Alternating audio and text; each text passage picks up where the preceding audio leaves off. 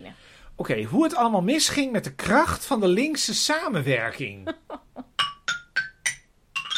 Nou, daar zijn we weer. Ja, daar zijn we De weer. podcast Hoe het allemaal misging. Met Chris en Tink. Ja, dat zijn wij. Dat zijn wij. En het gaat vandaag. We waren net in discussie over hoe we het moesten noemen. Want ik, ik had zelf bedacht, dat vond ik grappig. Hm. Ik dacht, ik, we noemen het hoe het allemaal misging met de plaatsvervangers van Willem Drees op aarde. Maar dat vond Tink niet leuk. Nee, dus toen dachten we. heel erg misplaatst. Nou, ik vond het gewoon heel geestig van Ja. mezelf. Toen dachten we de Willem Drees lezing, maar dat klinkt heel erg saai. Ja, daar gaat Dus- niemand luisteren. Niemand luisteren. En aangezien u hem nu toch al aan heeft gezet, kunnen we nu gewoon zeggen dat het eigenlijk gaat over de Willem Drees lezing. Maar dat is ook uitgekomen in een boekje. U kunt dat boekje kopen. Ja, dat is wel zonde van je geld. Dat, het heet Een Machtige Stroom. En dan Hoeveel daaronder- kost het ook? Ik weet het kost niet meer. 5 euro kost het. En de achter de ondertitel En- is en De kracht van linkse is, We hebben samenwerking. het allebei besteld. Jij kreeg het in een grote doos. Ja, een hele grote doos. En ik in een envelopje. U kunt dit bij een zeker postorderbedrijf heel kopen. En dan krijgt u een heel klein boekje in een hele grote kartonnen doos. De doos is meer karton dan boekje. Oh, maar jij hebt het niet gewoon bij Van Gennep boeken besteld. Nee, dit is uitgegeven bij Van Gennep Boeken. Daar heb ik het besteld. Ik kreeg het in een envelop. Ja, nee, ik bestel altijd bij een eh, postorderbedrijf. Zo heet dat trouwens. Vroeger heette dat zo. Het is volgens mij gewoon het bedrijf met die B. En dan ol erachter. Ja, een ol erachter.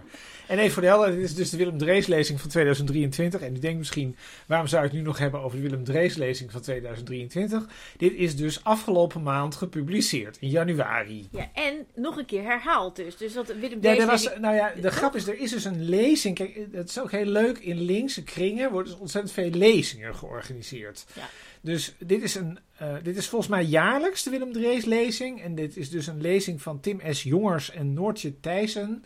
En, ehm, Zij zijn zeg maar de directeur van, Van de wetenschappelijk bureaus van GroenLinks en van de PvdA. Ja, dus Tim S. Jongers is van P van de A en Noortje Thijssen is van GroenLinks.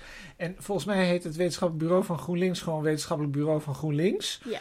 En van de P van de A heet dat Wiardi Beckman Stichting. Ja, Ja. En ehm, nu is het zo, daarom is het eigenlijk ook opgekomen om het hierover te hebben. Een paar weken geleden in de Bali was dus een speciale avond. En toen hebben Tim S. Jongers en Noortje Thijssen dit nog een keer herhaald. en jij was daarbij was en jij bij appte en de mij zaal zat dat het helemaal verschrikkelijk vol. was. Was het verschrikkelijk? Dat appte je mij. Het was heel erg druk. Je appte mij, dit is verschrikkelijk. Oh, dat zou kunnen. Daar ben ik me niet meer van. Ik ben me van geen kwaad bewust. En toen dacht ik, oh, dat is misschien leuk voor onze podcast. Nou ja, het was heel interessant, want het was dus een eh, lezing. Die lezing werd dus voor de tweede keer uitgesproken. Dat heb je meestal niet. Nee. Zo, eens even, even kuchen. Sorry voor de mensen. Dat heb ik nog nooit gekucht in de podcast. In ieder geval, de baan is daar dus afgeladen vol. Grote zaal, achter het podium, Sorry, ik mensen, moet denken, jij zet heel zijkant. vaak op Twitter zo hashtag kug. Nee, dit was een kuch. En toen hebben Tim en Noortje, ik ga ondertussen even verder met het inleiden, want de- de- Tink zit nu in de lachstuip. Die zijn toen, eh, hebben dat dus een uur lang, deze lezing voorgedragen. Dus ik denk, als u dit nou niet wilt eh, bestellen, ophouden. Zo, ophouden. Hup. Ze houdt het niet meer. Ehm, als u dat nou niet wilt lezen, kom eens op. Hup. Zo. Hup, stoppen. Ja, Ehm, ik, ik als u, dit weer. niet wilt, als u dit niet wilt lezen, moet u gewoon even bij de balie zoeken naar die lezing. En eh, dan kunt u hen dat zelf horen uitspreken. Dus we hebben een uur lang naar die lezing zitten Ja, ik luisteren. zou dat ook niet aanraden per se. Nou ja, het punt is eigenlijk met lezingen. Lezingen hebben een bepaalde spanningsboog. Dus deze Ja, lezing is is echt lang. Ja, want ik was van de week bij Frans Timmermans. En Frans Timmermans deed een half uur. En dat is dus echt veel beter. Ehm, nou ja, ik wil er wel even iets, nog even, eh, oh, nog over even verder over de Willem Drees Er lezing. zijn ja. mensen die kunnen wel goed een uur een lezing houden. Ehm, ehm, maar dan zijn er mensen die dat echt ook heel goed kunnen. Dan heb je dus een goed verhaal. En eh, dan kun je dat uit je hoofd. Want een, een, een uur mensen zien voorlezen is echt de hel. Dat is ook twee minuten iemand. Maar zij wisselden wel af. Want de lezing bestaat uit vier delen. En dan had je Noortje. En dan had je Tim. En dan had je Noortje weer. En dan had je weer Tim. Dus dat was een soort, soort afwisseling in. Maar wat heel grappig was, dat vind ik Ja. altijd heel leuk. Kijk, als je in een, ba- een debatcentrum bent, dan denk je altijd, dan gaan we nu met de zaal debatteren. Dat is toch altijd het leukst, dat dan de mensen in de zaal iets mogen zeggen en zo. En toen was er dus nog een panel met Emine Ogur, die is van de Trouw, eh overlistener op Twitter, en eh Armen Akhak-Verdian van de, van de UvA van Politicologie. En die hebben toen ook nog een uur erover zitten praten. En toen zei de presentatrice, ja, nu is er eigenlijk geen tijd meer voor de zaal. Of woorden van gelijkstrekking. En toen hebben we twee vragen uit de zaal gehad. Toen was het afgelopen. Dus we hebben eigenlijk met de zaal hier geen debat over gehad over dit ding. Terwijl volgens mij dat wel de bedoeling was. Hmm. Waar gaat deze lezing over, beste Tink? Eh, ehm, de- er wordt hier zeg maar eigenlijk een soort geschiedenis... Een geschiedenisles. Er wordt geschiedenis geschetst van eh, Willem Drees.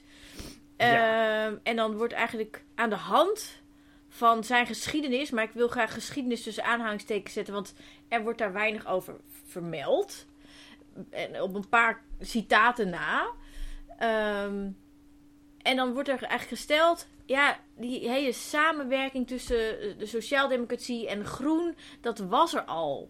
En, en ehm, eh, Nou, wat eigenlijk, ik, daarom zei ik, ik vond het echt heel geestig van mezelf. Dat ik zei, dit is eigenlijk de aflevering hoe het allemaal misschien met de plaatsvervangers van Willem Drees op aarde. Want ehm, zij, zij plaatsen zichzelf heel duidelijk in de traditie van Willem Drees. Ja, maar ik, voordat we dat. Want ik, Oh. ik, ik, want ik heb dit boekje dus. Ik heb het vandaag Voor de gelezen. tweede keer gelezen. Nee, ik heb het vandaag twee keer gelezen. Oké. En ik heb eh, eventjes eh, naar, dat debat zeg maar, zitten kijken. Want je kunt op de, op de balie, eh, op de website kun je dingen terugzien. Dus ik. ik eh, Nu wil, Tink wil graag de eerste anderhalve pagina van de lezing ja, voorlezen. het is een heel klein boekje, zeg maar, ansichtkaartformaat. Dus anderhalf pagina is. Het- we, Is- we kunnen is dit aan. ja, het niet niet afhaken, lieve mensen. Ja. Ik weet niet of ik het in één keer kan lezen trouwens, want er staan allemaal raar dingen in. Ehm, het leven van Willem Drees begon in 1886. Naast Willem Drees zag ook de frisdrank Coca-Cola het levenslicht. En in het jaar verkreeg Carl Benz een patent op de benzinemotor. En er werd een parlementaire enquête gehouden naar kinderarbeid en de erbarmelijke omstandigheden in de toenmalige fabrieken. Je zou kunnen zeggen het kapitalisme floreerde en het kapitalisme deed lijden. Het leven van Drees eindigde in 1988, het jaar waarin de snelheidslimiet op snelwegen van 100 naar 120 km per uur werd verhoogd. Ik sla een stukje over, oninteressant. Maar Willem Drees werd eh, eh, 102 jaar oud. Dat is redelijk uitzonderlijk voor iemand uit zijn tijd. In zijn geboortejaar was de levensverwachting namelijk nog geen 48 jaar. Wellicht dat Drees sober en iets wat saaie leefstijl een rol heeft gespeeld. En dan is hier mijn eerste ergernis. Eh, dan zegt Noortje Thijssen... Mijn inschatting is dat hij ver weg bleef van de Coca-Cola. Water en thee als levenselixer. En heel af en toe een Maria-kaakje. Ik vind dat... ja. Je gaat het toch niet invullen? Wat is dat? Dus dan, dan ben je zelf een soort gewoon een van manier om een verhaal te vertellen. anti-kapitalisme, wat, wat, ik, wat ik begrijp. En anti-Coca-Cola en weet ik het. Maar dan moet je niet gaan invullen voor iemand anders wat iemand wel of niet eet en drinkt. Ja, ja, dat irriteerde jou. Dat irriteert me. Dat was de eerste Ik irritatie. vond gewoon het is een sobere levensstijl dat hij drees. Zo. Illustratief voor hoe het dagelijks leven van mensen is veranderd gedurende Drees zijn lange leven, is dat Coca-Cola en benzineauto's niet meer weg zijn te denken uit de publieke ruimte. Dat is waar. En iemand die morgen geboren wordt, kijkt een levensverwachting van ruim 80 jaar in de ogen. Ook waar. Nog ver onder de Dreesnorm, maar je begrijpt ongetwijfeld mijn punt. Het zijn allen symbolen die staan voor toenemende welvaart. En dan komt nu mijn volgende irritatie. Het is meteen een hele grote irritatie, want het is niet waar. Dat de levensverwachting spectaculair steeg, kan niet losgezien worden van de gestage uitbreiding van de sociale wetgeving die de basis legde voor een breder ervaren bestaanszekerheid. De levensverwachting is spectaculair gestegen doordat we riolering zijn gaan aanleggen. Zo eind 1800 nog wat eh, zijn we Had dat je voor het 100 eerst jaar gaan geleden doen. niet. Eh, maar tot eh, volgens mij 1930, 1935 had je nog plekken in Nederland waar Ja, dat is ook sociale wetgeving misschien. Nou, weet je, weet je, het is wel erg flexibel. Nee, maar, maar Nee. we- mensen gingen dood omdat er al, allemaal virussen waren en Ja, want bacteriën. overal E. coli-bacterie overal was. Ja, Ja. en dus, dus het is echt algemeen bekend dat de levensverwachting exponentieel is gestegen door de aanleg van rioolsystemen. En daarnaast is de medische wetenschap gewoon heel erg eh, eh, beter geworden. En niet omdat er een kinderwetje van Van Houten kwam. Dat was niet de reden. Nee. Vinden we wel fijn dat het kinderwetje er was, want k- komt ze dan later op. Maar, dat ik- was dit- niet de reden voor de kinderen. echt mateloos, want dit is gewoon totale bullshit. En als je dat in je eerste, zeg maar, paar alinea's, dan kom je al met dingen die niet waar zijn. Als wetenschappelijk bureau, als hoofd van een wetenschappelijk bureau, in een lezing die je voor de tweede keer geeft en die wordt gepubliceerd in een boekje. Dit is echt, nou, ik, ik, Het irriteerde het je echt. irriteert me mateloos. Maar wat moeten wij daar dan mee? Ja, maar ik begrijp dit niet. Waarom schrijf je dit op? Dan ga je iets, zeg maar, soort van toe-eigenen van, kijk, dit hebben wij gedaan. Dat is niet waar. Ja, maar dat is sowieso al niet waar, want GroenLinks was toen helemaal niet in beeld. Nee, maar nu horen ze bij de PvdA, dus dan hoorden ze er ook wel weer bij. Maar het ja, is maar echt... de P van de A was natuurlijk ook dat die, die, ja, die sociale wetgeving. Ja, die sociale wetgeving is dan van de P van de A, inderdaad.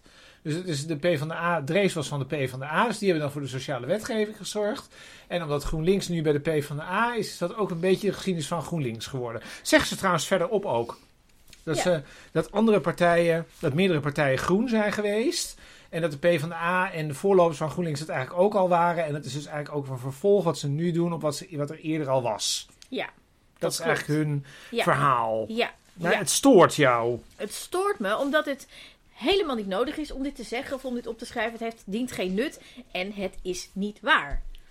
Ja, maar dat past misschien beter in het argument wat ze maken. Ja, maar dan... Ja, dan klopt het nog steeds niet. Nee. Nee, en het is maar zeker niet als hoofd wetenschappelijk bureau. Dat kan toch niet? Ja, maar jij hebt een hele hoge, hoge... Ik denk dat jij eigenlijk gewoon een hele, hele hoge achting hebt van wetenschappelijke bureaus. Als je het zo zegt.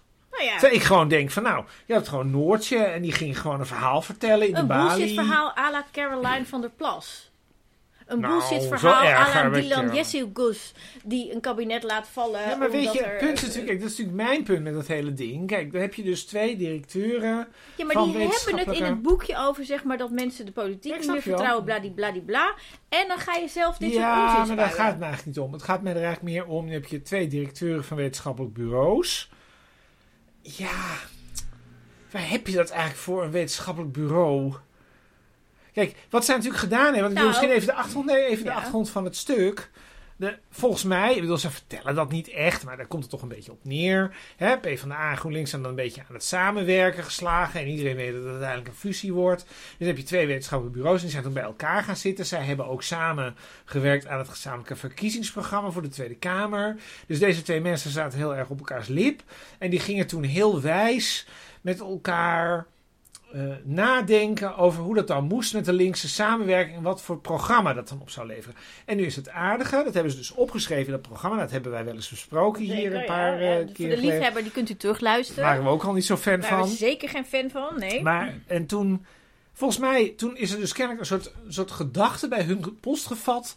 Dat zij dachten, oh, maar eigenlijk gaat het nog veel verder.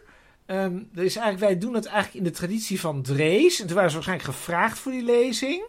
En toen opeens toen ontstond er een wat abstracter, breder verhaal over waarom die samenwerking tussen GroenLinks en PvdA heel erg logisch is. Dat is eigenlijk wat dit is. Dus volgens mij is dit een soort bijproduct van dat verkiezingsprogramma. Dat is hoe ik het, hoe ik het ervaar. Wat ook al kut was. Ja, maar dat zijn dan natuurlijk, dan kun je natuurlijk praten over welke, welke, welke standpunten vind je goed en zo. Maar dit is meer, dit is wat abstracter, wat hoger, hè, een, beetje, een beetje algemener niveau. Dit is een beetje, ik denk dat dit een beetje de visie is, zeg maar. Op basis waarvan je zou kunnen zeggen van nou, die, die samenwerking is heel logisch. En die komt ook van die wetenschappelijke bureaus. Dus het komt ook van mensen die daar heel goed over hebben nagedacht. Dus dat is een beetje Ja. flauw van jou om dan te zeggen. Dit klopt niet. Dat, ja, om dan te zeggen van nou ja, staat ook een keer iets in. Een- Iedereen een heeft dat wel eens. Nou, kom aan. Dit is toch belachelijk. Nou ja, ze moet misschien iets beter de, be- de huiswerk doen. Maar, dat- Maar dit leer je toch gewoon op de middelbare school. Kom op. nou, ik was, wel een beetje, ik was wel een beetje aan het denken van... Goh, ja, zou dat nou komen door die sociale wetgeving? Ik had de rioling niet helemaal op mijn, op mijn eh, netvlies staan. Nee, ik, ik heb hier natuurlijk een film over gemaakt. Ja, maar het probleem is natuurlijk, kijk, ik heb een heel ander probleem ermee. Want ik, de, de ironie is namelijk, daar wilde ik het er ook over hebben. Dit document komt vaker terug. Dus het is, dit is niet alleen een boekje. Het is niet alleen de Willem Drees lezing. Het is niet alleen dat de Bali dat nog een keer apart in een programma stopt. Maar ik was een paar maanden geleden ook bij een bijeenkomst in eh, de Tolhuistuin in Amsterdam-Noord. En dat was dan van D66 en GroenLinks. Dus dat was dan weer zonder de PvdA. Heel ingewikkeld. En toen, daar was Noortje ook. Dus de directeur van het wetenschappelijk bureau van GroenLinks. En die ging toen ook uitleggen, dat- dat- ze refereerde daarbij aan dit ding, wat nou, eh, wat nou de logica was achter die samenwerking van GroenLinks en PvdA. En wat zij doen, wat ze toen deed en wat ze ook in dat boekje doet, in, in, dus in die lezing, is zij probeert te beargumenteren waarom het heel logisch is dat die samenwerking er is. En waarom ik dat nou eigenlijk vertel is, dat ging daar toen helemaal niet goed. Jij kijkt nu... Ja, maar dat, ik vind dat helemaal geen reden om onzin te verkondigen. Nee, maar dat snap ik wel. Maar, dat zeg, maar, dat zeg, ja, maar ik zeg eigenlijk dat er, een veel ergere, re- dat er iets veel erger is dan dat er iets niet klopt. Zij zei toen namelijk, want dat is namelijk de, volgens mij een van de hoofdboodschappen van deze lezing. Hm. De, de hoofdboodschap is, we staan nu aan de vooravond van heel veel ontwikkelingen. Hè. De maatschappij is heel erg in beweging, net als toen bij Drees. En nu gaat dat heel erg over klimaat. En toen ging het over sociale wetgeving. En nu is het grote idee is, is dat je het klimaat moet rechtvaardig aangepakt worden. Dus we moeten niet de Tesla-rijder een subsidie geven en de, hè, en de mensen met, met, met, eh, hoe zeg je, met, met eh, met eh, zoncoöperaties en met zonnepanelen moeten we voordelen geven. Nee, we moeten ervoor zorgen dat iedereen mee kan profiteren van die groene omslag. Dat is het grote punt wat in volgens mij in die lezing staat. En het aardige daarvan is, en daar vertel ik over Tolhuistuin. Wij zaten daar en Doortje vertelde dat. Van nou, hè, we hebben nu P van de A GroenLinks. We zijn nu zo samen aan het nadenken gegaan als de wetenschappelijke bureaus. En nu hebben we dan klimaatrechtvaardigheid. Dat is dan het grote punt. En toen werd het mij echt even te gek. En dat heb ik niet zo vaak. jou te gek, mij te gek. Albert? Ja, werd mij te gek. Dat heb ik niet zo snel. Ik denk dan van, ik ben aan het twitteren. Ik hou mijn mond dicht, want het is een heel klein groepje. En toen zei ik zoiets van... Sorry hoor, maar dit, hier moet ik toch echt iets van zeggen, want dit is gewoon onzin. En ik, ik merk al, dat is natuurlijk mijn intonatie. Dan, dan heb je al een soort van, dat je denkt, oh god, wie is die man en waarom gaat hij Maar iets hoezo zeggen? het te gek? Want de klimaatrechtvaardigheid, daar, ja, daar kan ik me... Dat... Zij brengen dat als dat dat nieuw is. En dan denk ik, ik doe nu ruim vijf jaar, misschien wel tien jaar, doe ik politieke bijeenkomsten aflopen. Vijf jaar geleden, toen Jesse Klaver in de studentenzaaltjes stond, in Leiden en in Nijmegen, et cetera, ben ik daar meerdere keren geweest. En toen ging het hierover. Dat is geen product van de samenwerking van PvdA en GroenLinks. En nu wordt het nog leuker, want toen werd het, helemaal leuk. Daar was ook een van mijn favoriete Amsterdamse raadsleden zat in die zaal, namelijk Jenneke van Pijpen van GroenLinks. Ik heb deze naam eerder gehoord. En Jenneke zei, die begon heel hard te knikken toen ik dat zei. En die zei toen iets van, ja, ik vind echt als je nu doet dat we klimaatrechtvaardigheid hebben ontdekt door te gaan samenwerken met de PvdA, dan doe je echt onrecht aan GroenLinks. Want daar was GroenLinks al heel lang mee bezig. Dan dacht ik, hè, hè, amen, ik heb dit toch goed begrepen. Ja. Overigens, er zijn ook nog, om nog even erger te maken, maar dat heb ik niet gecheckt. Er zijn ook SP'ers die vinden dat de SP ook bezig is met klimaatrechtvaardigheid. En ook al veel langer dan de PvdA GroenLinks samenwerking er is. Dus origineel is het in ieder geval niet. Ik wil naar iets anders. Het punt is dus, ik wil, dan, dan ben, daarna Ja. ben ik met mijn litanie klaar. Ehm, ik vind het prima om samen te werken, maar als je nou, hè, want jij zegt van ja, dat, dat klopt niet met die riolering en zo. Maar ik zou zeggen, als je hier in de, die lezing beweert dat het, het grote punt van die samenwerking de klimaatrechtvaardigheid is, dan denk ik dat dat gewoon onjuist is. Ook. Nee, dan kun je verder, nog ook. verder goed, dit is nastreven. een super dun boek, boekje. Ehm, Ja, voor de helderheid, maakt we hebben het over... elkaar 32 pagina's. Ja, we hebben het echt over een heel dun En we boekje. moeten echt gaan selecteren waar we iets over nou, zeggen. jij Omdat nou, dit was eigenlijk mijn punt. het hele, dit was je hele punt. Oh ja, het is een heel dun boekje. Oh, nou, ik heb nog. Nou, ik. Ja, jij ik wil heel veel voorlezen en nou, zo niet per ook. se. Maar meer eh, gewoon. Ik, ik heb het dus twee keer gelezen en nog een keer geluisterd. En het is gewoon. En, en, en, en in de zaal deden mensen alsof het een hele goede lezing was. Ja, het zijn gewoon linkse mensen. Dat zijn En allemaal is- mensen, zijn het publiek voor de lezing. Geef jij wel eens lezingen, Kees? Nee, dat doe ik niet. En ik vind lezingen een heel stom format. Het heeft ook helemaal ik geen geef zin. wel lezingen. Ik zit Oh. bij Sprekersbel, bij de, bij de Speakers Academy. Ja, en, de Speakers en, en, Je kunt haar Je kunt inhuren. mij inhuren. En, en eh, daar zitten heel veel hele goede sprekers bij. En dan één keer in het jaar is er zo- zo'n soort bijeenkomst. En dan gaan paar sprekers worden uitgelicht. En die gaan dan een soort lezing geven voor een soort in-crowd. Dus dat was toevallig onlangs. En dat zijn echt mensen die kunnen echt goed praten. En dan is er altijd een borrel daarna. En, en, en dan merk je aan de mensen die daar zijn, dat dit mensen zijn die goed kunnen praten. Die gewoon een verhaal kunnen vertellen. En dat het niet eens meer uitmaakt wat je zegt, maar dat je goed kan praten en dat mensen dat gaan volgen. Ja. Dus dan maakt het niet meer uit of een lezing vijf minuten of drie uur duurt. Maar je wilt blijven luisteren, omdat het mensen zijn die goed kunnen praten. Heb jij het idee dat dat bij deze lezing niet is gelukt? Absoluut niet, nee. Oh, hoe komt dat? Ja, nou, eh, Een voorbeeld. een voorbeeld. Nou, een wat je wil is dat luisteraars of lezers, als je het opschrijft, dat je, dat je, dat je meegaat in het verhaal en dat je niet wordt afgeleid. Ehm, en Je wordt steeds afgeleid. ja, bijvoorbeeld, dus dan staat er. ehm, even kijken. Eh, als het zo is dat, je, eh, dat als je geschiedenis wil schrijven, je vooral oog moet hebben voor de toekomst. Oh ja, nee, als het zo is dat je geschiedenis wil schrijven, vooral oog moet hebben voor de toekomst. Punt, sorry. Ehm, maar laten we toch eerst teruggaan in de tijd. Het is oorlog. Willem Drees is opgepakt door de Duitsers. En, maar goed, er staat dan het is oorlog. Dus een zin van drie woorden. Het is oorlog. Maar Willem Drees, dat hebben we dan twee pagina's eerder ge- gelezen of gehoord, eh, is geboren in 1886 en doodgegaan in 1988. Dus op het moment dat er staat het is oorlog, dan gaat mijn hoofd, oké, Eerste of Tweede Wereldoorlog. Of een andere, elders. Maar goed, laten we even vanuit gaan dat het in Nederland Eerste Tweede of... Wereldoorlog. Maar dat wordt niet gezegd. Maar dan Ze word je dus afgeleid in je hoofd van... Oké, welke oorlog? Wat is de Ze situatie? vertellen dit verhaal niet goed. Nee, er staat gewoon het is oorlog. Willem Drees is opgepakt door de Duitsers. Bladibladibladibla. Samen met intellectuelen zit hij als gijzer in de Gouden Hoek van Kamp Boegenwald. Dan moet je maar net weten wat de Gouden Hoek van Kamp Boegenwald is. Geen idee. Dus dan moet je dus voorkennis hebben. Ehm, en die wordt niet gegeven. Het was onderdeel van een Duitse vergeldingsactie, omdat in Nederlands-Indië meer dan 2000 Duitsers waren ingerekend. Oké.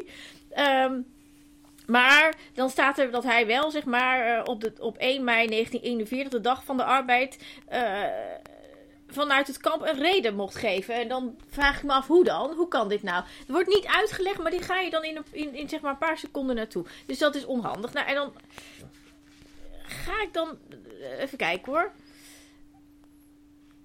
Waar dan even, eh, sorry. Ja, wat is je bezwaar?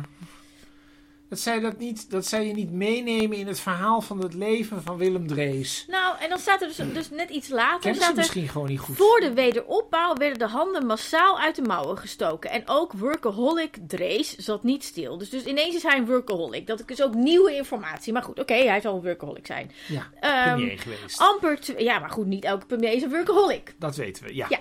Amper twee jaar na de oorlog slaagde hij erin om een vurige wens in vervulling te brengen. Met de noodwet ouderdomsvoorziening kregen minder bedeelde ouderen recht op een uitkering. Maar dan moet je weten, mensen werden toen voor het eerst eigenlijk veel ouder. En dat komt omdat de riolen waren aangelegd. Maar het er niet. Dat was door de sociale wetgeving, was dat. Het is toch... wacht even, dit klopt. Dit is dus, ze, dit, zij hebben, je, dit is de sociale wetgeving, die is ingevoerd. Maar die was natuurlijk nodig, omdat ze al ouder werden. Dat Ja. was een andere reden, ja. Dat klopt, ja. hallo Noortje je. en Tim, hallo, Ja, hallo, hallo. Precies, inconsequent en, en verkeerde informatie. Nou goed, dan staat er: het is nog altijd een van de meest gewaardeerde wapenfeiten. Hij trekt van Drees ofwel de be- uitbetaling van het ouderdomspensioen. Oké, goed, dit is allemaal aan de hand. En dan ga ik even alle stukken overslaan. Dan komt het erop neer dat, dat, dat eh, Tim en Noortje ervan uitgaan dat wij in een, een gelijksoortige situatie Ja, zijn dit zitten. is wat ze zeggen. Namelijk, we zitten weer in een wederopbouwsituatie. Nou ja, dit is, maar dit is wat ik net ook zei inderdaad. Van, zij, zij vergelijken de situatie van na de Tweede Wereldoorlog. Toen Ja, Drees dus we al die moeten deed. onze verzorgingsstaat heropbouwen en we moeten bouwen aan een samenleving die weer samenleeft. Excuse me. En dan eindigde Tim Jongers met Samen bouwen aan een hoopvolle toekomst. Het was de titel van het verkiezingsprogramma dat we samen schreven. Al had het evengoed het motto kunnen zijn van de naoorlogse Nederlandse politiek waarvan Drees een boegbeeld is. Hallo? Wat zeg je nou? Dat is, nou, dat is zo. Dat had ook, zo had het ook maar kunnen wat heten. zeg je nou? Nou, zo hadden ze ook kunnen... Dit is totale bullshit. Ik word er zo Nee, ze kwaad hadden van. natuurlijk de wederopbouw fucking ook. twee De wetenschappelijke bureaus. wederopbouw hadden ze ook zo kunnen noemen. Samen bouwen aan een hoopvolle toekomst. Hadden ze zo als leus. Het is niet de de wederopbouw. Het is niet net oorlog geweest. Als we even. al Oh, ergens oh. mee kunnen vergelijken, is het de jaren ben je? 30, niet de jaren boos, 50. ben je. Stop nou eens even. fucking normaal. Ja. Rustig. rustig. Rustig, rustig, rustig. Niet rustig. Ja, Het punt is natuurlijk... Ja, ben weer kalm. Goed zo. Ehm, de, de, de, de, de, de meters van de podcast zijn nog nooit zo... eh, Van, de geluid, van het geluid zijn nog nooit zo uitgeslagen als vandaag. Maar het punt is... Dat had inderdaad wel gekund. Het is een beetje een stomme suggestie, want het heette toen niet zo. Maar wat ik echt een hele rare... ehm, en daar ga jij, vind ik, toch wel heel snel overheen. Wat ik een hele rare vergelijking vind... Huh. is dat zij zeggen... Je had toen die wederopbouw, toen moesten er allerlei dingen gebeuren. Toen kwam de verzorgingsstaat en toen moesten alle dingen weer geregeld gaan worden. Dat heeft Trace toen voor ons gedaan. En eigenlijk zijn wij, daarom noemde ik ze de plaatsvervangers op aarde van Willem Drees. Hm. Zij gaan nu eigenlijk hetzelfde doen. Dus het is eigenlijk, dit staat eigenlijk in één, Ja, dit is op dat één is toch lijn. heel raar? Dat is toch helemaal niet zo? Nou, dat kan misschien wel. Maar Hoe dat dan? moet je. Nou, dat kan natuurlijk. Het kan natuurlijk zijn dat je zegt, nou, er is nu weer wederopbouw nodig. maar en hoezo nu... dan? Ja, maar wacht nou even. Dat, niet zo vliegen afvangen. Niet zo snel. Ehm, je kan natuurlijk wel zeggen van nou, er is nu wederopbouw nodig. En daar hebben we dan GroenLinks P van de A voor nodig. En met name de wetenschappelijke bureaus, geleid door Tim en Noortje. Maar als dat zo is, Hm. dan moet iemand anders dat zeggen. Ja. Dus dan moeten wij hier concluderen. Oh, nou, die wederopbouw, hè, dat was toen zo erg, die wederopbouw. Maar nu hebben we eigenlijk weer zo'n erge situatie. Het lijkt wel alsof het is alsof het net de Tweede Wereldoorlog is geweest. En, daar, en nu hebben wij hier die visie van Tim en Noortje. Die is eigenlijk even hel, behulpzaam in de ellende waar wij nu in zitten. Die zo vergelijkbaar is na de Tweede Wereldoorlog. Zoals Drees die toen oploste. Denken wij dat Noortje en Tim dat nu ook gaan oplossen. Dat moeten wij zeggen. Snap je? Nou, en dan, is en dan nog- nee, of ja, iemand, nee ja, maar ik bedoel, dat iemand klopt, anders mag het. Ik bedoel, eh, Frans Timmermans mag het ook zeggen. Maar ik bedoel, iemand anders. Dan moet je niet over jezelf zeggen. je Nou, moet niet zeggen, ik denk dat ik hier een document heb geschreven. Ik snap wel dat zij dat zo niet zeggen, maar dat, dit is waar het wel op neerkomt. dat klopt. Ik, heb een do ik ben Tim S. Ik heb een document geschreven met Noortje Thijssen. En dat is eigenlijk vergelijkbaar met hoe Willem Drees destijds Nederland uit het moeras, van de, uit het moeras heeft getrokken. Want eigenlijk is het nu net zo erg. Wij hebben be- gezien, wij met onze visie hebben gezien dat Nederland hetzelfde erbij ligt als na de Tweede Wereldoorlog. En daarom hebben wij nu onze visie nodig. En dan zal het dezelfde heilzame effecten hebben als eh, destijds de wederopbouw onder leiding van Willem Drees. Nou, nou, volgens is mij- dus nog meer. Volgens mij ben je dan gewoon niet, ik zal het even iets harder zeggen, dan ben je niet goed bij je hoofd. Er als je die vergelijking meer. maakt. Er is nog meer. Want ze zijn dus helden, want de, de, de wederopbouw. Ehm, en dan is dus Tim Jongens die zegt het volgende. Wij mochten deze zomer samen met een geweldige commissie van GroenLinksers en PvdA'ers schrijven aan het eerste gezamenlijke verkiezingsprogramma van onze partijen. Nu komt het. Goed luisteren. Sorry. Ik dacht- Ik wou de Ja, spanning je op. bouwt de spanning te hard op. Goed, kom, Ja, komt komt komt komt. Ja. Ja. Nou zeg, We kunnen nu niet meer wachten. Welke pagina zitten het is we? zeg maar hier wat ik groen heb. Oh. Terwijl velen onder ons genoten van een zomer aan het strand, al dan niet met de dreigende rook van een bosbrand achter je, gingen wij met Willem Drees ideeën aan de haal. Nou, ze hebben gewoon hun zomer opgeofferd. Toen wij op het strand lagen, Chris. We lagen niet op het strand, we waren de hele zomer heel hard aan het werk. Maar dat, zij gingen. Wat? Maar dit, schrijf je, dit zeg je toch niet? Nee, dat, zeggen, dat moeten anderen over je zeggen. Dat moeten anderen zeggen. Wij moeten dat eh, spontaan bedenken. Wij moeten een boekje lezen. En van En dan denken, wauw, Tim dat Jongers, lijkt... die heeft gewoon in de zomer gewerkt. Nee, en die heeft, dat doet dat helemaal in de geest van Willem Drees. In de je wat zomer. eigenlijk heel gek is? Dat dan dus, hieraan merk je dus hoe publieken werken. Dan zit je dus in de balie. Het was echt heel druk in de balie. Echt aan alle kanten extra publiek, extra stoelen. En je zou natuurlijk ook kunnen denken, we moeten gewoon allemaal in lachen uitbarsten. En dat hebben we niet gedaan. Nee, waarom eigenlijk niet, Chris? Ja, dat is een goede vraag. Ik was gewoon heel druk met twitteren. Ik heb een excuus. Ik heb, ik heb nog een stukje, wacht even. Ik had het net over dat als je dus een lezing geeft of een boekje schrijft, Ja. dan wil je mensen meekrijgen. Ja. En ik zou denken dat als je zeg maar, het hebt over de kracht van linkse samenwerking en je wil mensen overtuigen dat dit belangrijk is, dat zeg maar, de wederopbouw nu moet gebeuren en dat zij de partij zijn om dat te doen, dan wil je mensen meenemen en dan moet je dus, dan moeten mensen makkelijk kunnen volgen wat je allemaal zegt, toch? Ja. Dat moeten mensen kunnen. Ik ga nu een lang, nee, niet heel lang, maar ik ga, Een heel lang stuk voorlezen. ik stop wel wanneer het te veel wordt. Oké. Want ik ga nu bijna random, zeg maar, erin. En zo kon het dan weer gebeuren dat bestaanszekerheid het thema werd van de afgelopen verkiezingen. Wat daarbij opviel is dat de meeste politici die zich ineens druk maken over bestaanszekerheid zich slechts bezighouden met de vraag over hoe we ervoor gaan zorgen dat de bestaanszeker eh, niet. Sorry. eh, Excuus. Zich slechts bezighouden met de vraag hoe we ervoor gaan zorgen dat de bestaanszeker niet bestaansonzeker worden. Het is een defensieve invulling van het begrip bestaanszekerheid als behoud. We willen van spelsprekend niets afdoen aan de onzekerheid van de middenklasse, maar we moeten ons minstens net zo druk maken om de offensieve invulling van het begrip. Hoe zorgen we ervoor dat mensen in bestaansonzekerheid weer zekerheid en perspectief krijgen? Toegegeven, we pakken veel aan. Dat is een rare zin. Als je Dat zegt toegegeven, ja. we pakken veel aan. Je, je zegt Ja, toegegeven, we pakken niet veel aan. Ja. Maar toegegeven, we, toegegeven, we zijn echt helden. Nou ja, In de geest van Willem Drees. Kijk bijvoorbeeld naar armoedebestrijding. We bestrijden kinderarmoede, beweegarmoede, voedselarmoede, digitale armoede, OV-armoede, fietsenarmoede, mobiliteitsarmoede, bereikbaarheidsarmoede, energiearmoede, hygiënearmoede, zorgarmoede en zelfs menstruatiearmoede. Waarom is dat zelfs menstruatie? Nou goed, iedereen is met een armoede bezig, maar niemand is met de armoede bezig.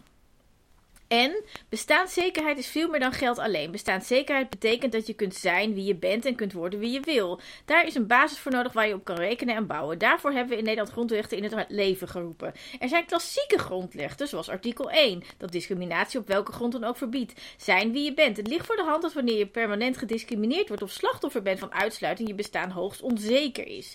En er zijn sociale grondrechten, het recht op werk, huisvesting, gezondheidszorg en onderwijs. In artikel 20 staat zelfs letterlijk bestaanszekerheid genoemd. Al deze grondrechten vormen als het ware de grond waar we ons individuele op bouwen. En nu heb ik weer iets onderstreept. Dat staat, daar staat: Het cynische is.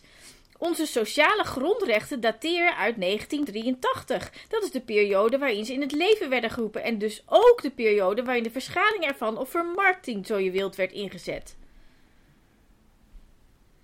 Hè? Ja, dus er was... Dus, een- ja. In, de jaren tachtig, zeg maar, is zeg maar marktwerking eh, is Ja, ingezet. wel En, en toen marktwerking, werd dat een soort van ja. heilig verklaard. En dat is eigenlijk het begin van alle problemen geweest. Maar er is tegelijk ook de oplossing gepresenteerd. ja, die dus geen oplossing was. Denk ik. Eh, de sociale grondrechten. Ik vind het een hele rare. Ik snap dit soort. Weet je wat het een beetje is? Dan komt een beetje, de, een beetje mijn irritatie over wetenschap naar boven bij dit soort eh, teksten. Hm. Van, dan zeggen ze ja.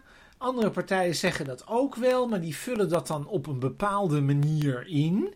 En dan denk ik, oké, nou ja, dat gaat dan, denk ik, over omzicht, denk ik dat het gaat. Want die heeft het over. Nou ja, het wordt die- wel vaak verwezen, zeg maar, in soort woordgrapjes, zowel door Noortje als door Tim naar eh, Mark Rutte. Want de volgende zin is bijvoorbeeld: bestaansonzekerheid als iets wat zich afspeelde in de donkere schaduw van een hartstikke gaaf landje.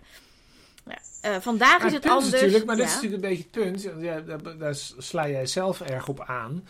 Jij, jij benadrukt heel erg, dit zijn de directeuren van de wetenschappelijke bureaus. Ja, dus daar verwacht ik intelligentie van. En ik verwacht dat ze met, met, met, met kennis van zaken een inhoudelijk sterke lezing geven. Ik verwacht dat zij vaker op een podium staan. Dat ze eventueel hulp krijgen bij het schrijven van een lezing. Als ze hebben gewoon heel, ze hebben op zichzelf dan- al een heel slecht verhaal. Want, die, want dat idee, want dit, dit draait allemaal om die klimaat. eh, Uiteindelijk komt dit allemaal neer op klimaatrechtvaardigheid. En dat is toch het belangrijkste.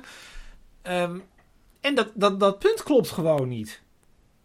Maar dat klopt. Het, is, het, zit- Nee, het, het, rammelt. De, de hele le- lezing, lezing rammelt. En niet alleen op Weet je wat je dan afvraagt? Ja? Maar, Ja. maar, en, maar ook op zeg maar rare zinnen, eh Maar wat ik niet snap- sprongen, je moet allerlei voorkennis hebben. Wat ik het niet is- snap hieraan is is, heb je... Slecht. Dan heb je, ehm, heb je een wetenschappelijk bureau. Dan krijgen al die partijen die in de Kamer zitten krijgen subsidie voor een wetenschappelijk bureau. Dus er zitten dan hè, bij, bij de W.R.D. Wigman Stichting, daar zitten een handvol mensen zitten daar dan. Dan denk ik, ja, die kunnen dan toch wel gewoon zo'n... Dat van die riolering bijvoorbeeld, die kunnen dat dan toch uithalen. En het is dan toch niet alleen... Het is ook ge- ge- geschreven vanuit GroenLinks. Dan was er niemand bij het wetenschappelijk bureau van GroenLinks die dacht: hé, hey, maar wacht even. Ik heb Jesse Klaar voor de afgelopen tien jaar ook wel eens over klimaatrechtvaardigheid gehoord. Dat, misschien, misschien is dat niet zo'n sterk punt. Dat is natuurlijk. even, dit is een soort, soort, dit is niet het allerlaatste, maar dit is eigenlijk, zou ik denken, de soort van de conclusie. Ja, de conclusie. We moeten terug in de haarvaten van de samenleving kruipen. Met trots op onze idealen en een doorleefd en doorvoeld verhaal van hoop en vooruitgang. In plaats van een verlangen naar een verleden dat nooit geweest is. Dat is wel typisch dat, dat, er dan, dat hij dat dan zegt. Ehm, Dat is een verwijzing naar de PVV, denk ik. Wij willen daarin een trekkersrol op ons nemen. En in ons verhaal gaan we bestaanszekerheid vanuit de offensieve houding invullen. Want te lang stond behoud ervan op de voorgrond. Terwijl velen hun dagen doorbrachten in de duisternis die onze bestaansonzekerheid is. Dat we in een klassensamenleving leefden mocht niet zo heten in ons egalitair polderland. En armoede was al een randfenomeen in, ik zei het eerder al, dit hartstikke gave landje. Ik begrijp helemaal niet wat je zegt. Nee, maar dat is dus... Dit is, dit is zo... Dat, offensief. Dus wat ze eigenlijk ze gaan meer aanvallend zeggen dat er bestaanszekerheid moet zijn.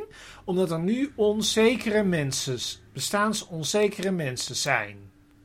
Ja, Toch? maar en, en, het en, en punt. ze moeten dus terug in de haarvaten van de samenleving kruipen. Nou, dat, daar, daar ben ik het ook mee eens, denk Ja, ik. maar ja, wie is er daarmee oneens? Maar dat doe je niet door dit soort shit Ja, maar, dat ja, maar dat is natuurlijk wat, wat wetenschappelijke bureaus doen. Dus wetenschappelijke bureaus die schrijven natuurlijk lezingen waar niemand interesse stop, in heeft. Stop, stop, Oh. Wetenschappelijk bureau is ervoor om dingen te verkondigen die waar zijn. Waar onderzoek naar is gedaan. dingen maar die kloppen. natuurlijk, wat Dit ik- wat- is een bullshitboekje. Nou ja, ik vind dat je het iets te hard aanzet, maar ik vind wel iets anders. Ik vind, ehm, die bureaus die krijgen allemaal subsidie.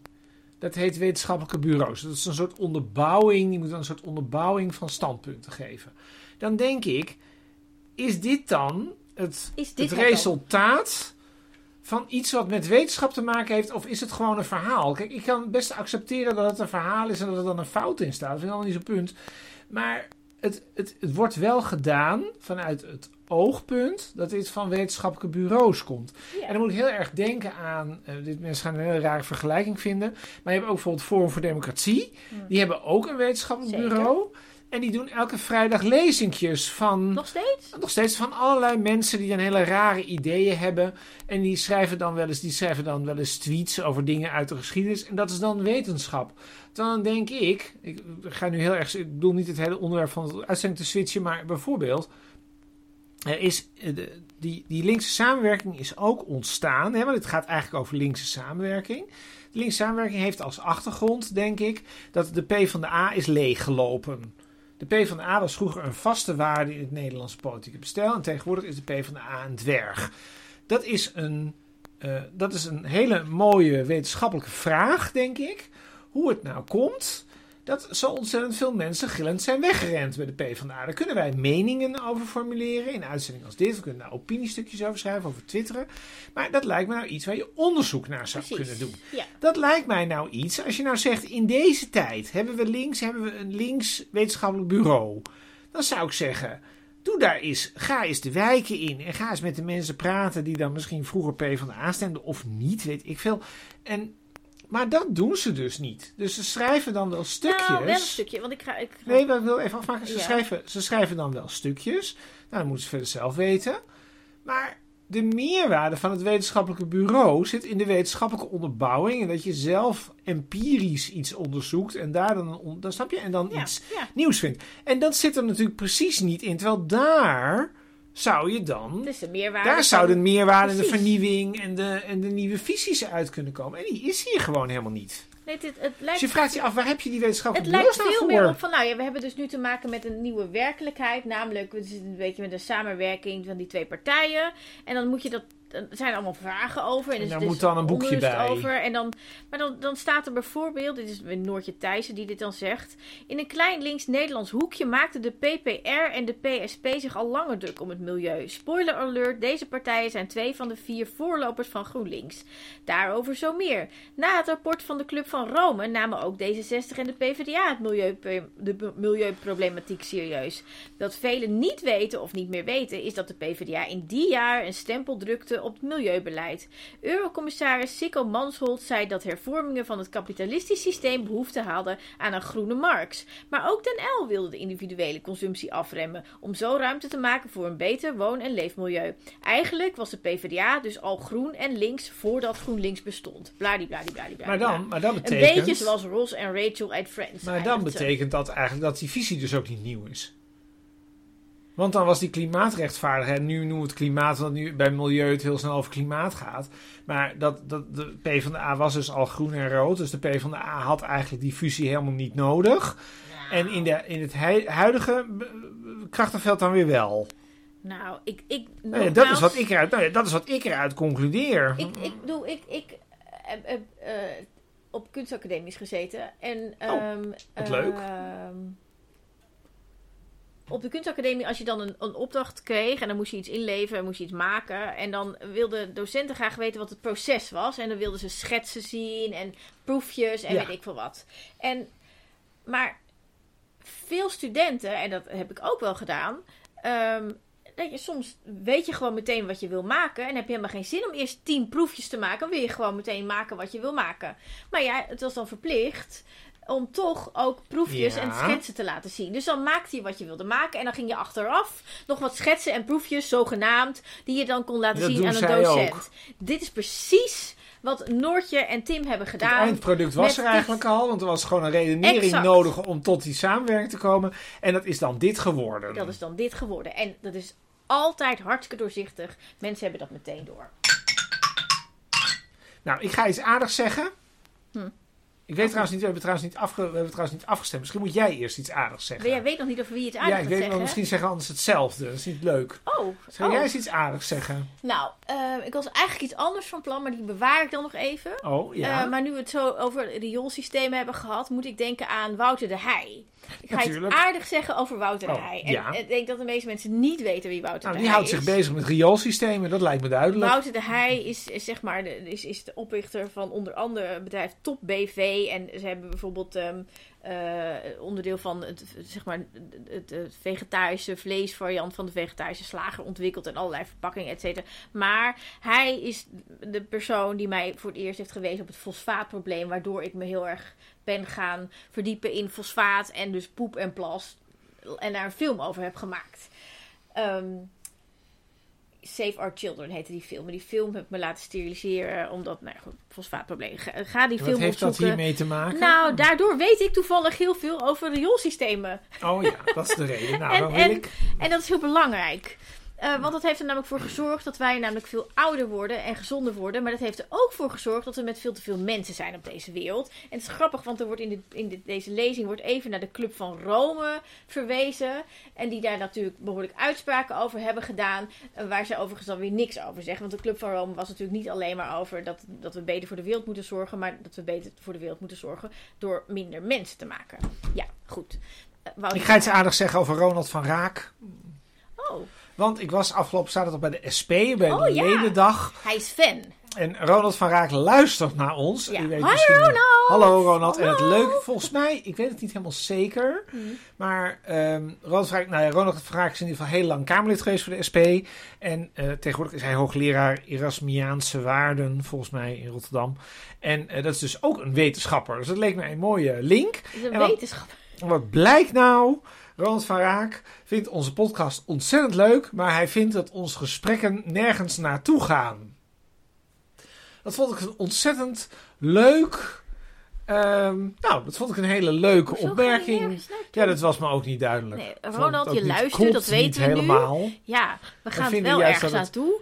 En mocht je, zeg maar, dat kan. Niet iedereen is even snel van begrip, dat kan. Maar daarvoor praten wij altijd na. Daarvoor praten we altijd na. Dat kunt u luisteren als u naar www.petjeaf.com slash hoe het allemaal misging gaat. Ja, dan kun je dan een donatie doen. Bijvoorbeeld 5 euro of 100 euro of meer. Of 1500 euro. Kan allemaal. Kan Ja, allemaal. maar vijf- vanaf 5 euro hoor je elke week een tweede podcast van ons. En dan eh, gaan we napraten over, eh, nou, dat eh, laten we even geheim Ja, ik nog. kan wel even iets over fosfaten dingen zeggen en over Oh. rioolsystemen. Oh, het gaat vandaag vertellen? over rioolsystemen. Dat is heel leuk. Dus wil je horen over rioolsystemen, ga naar petje- www.petjeaf.com slash hoe het allemaal misging. En dan hoor je ons zo meteen over rioolsystemen. En anders tot volgende week. Dag!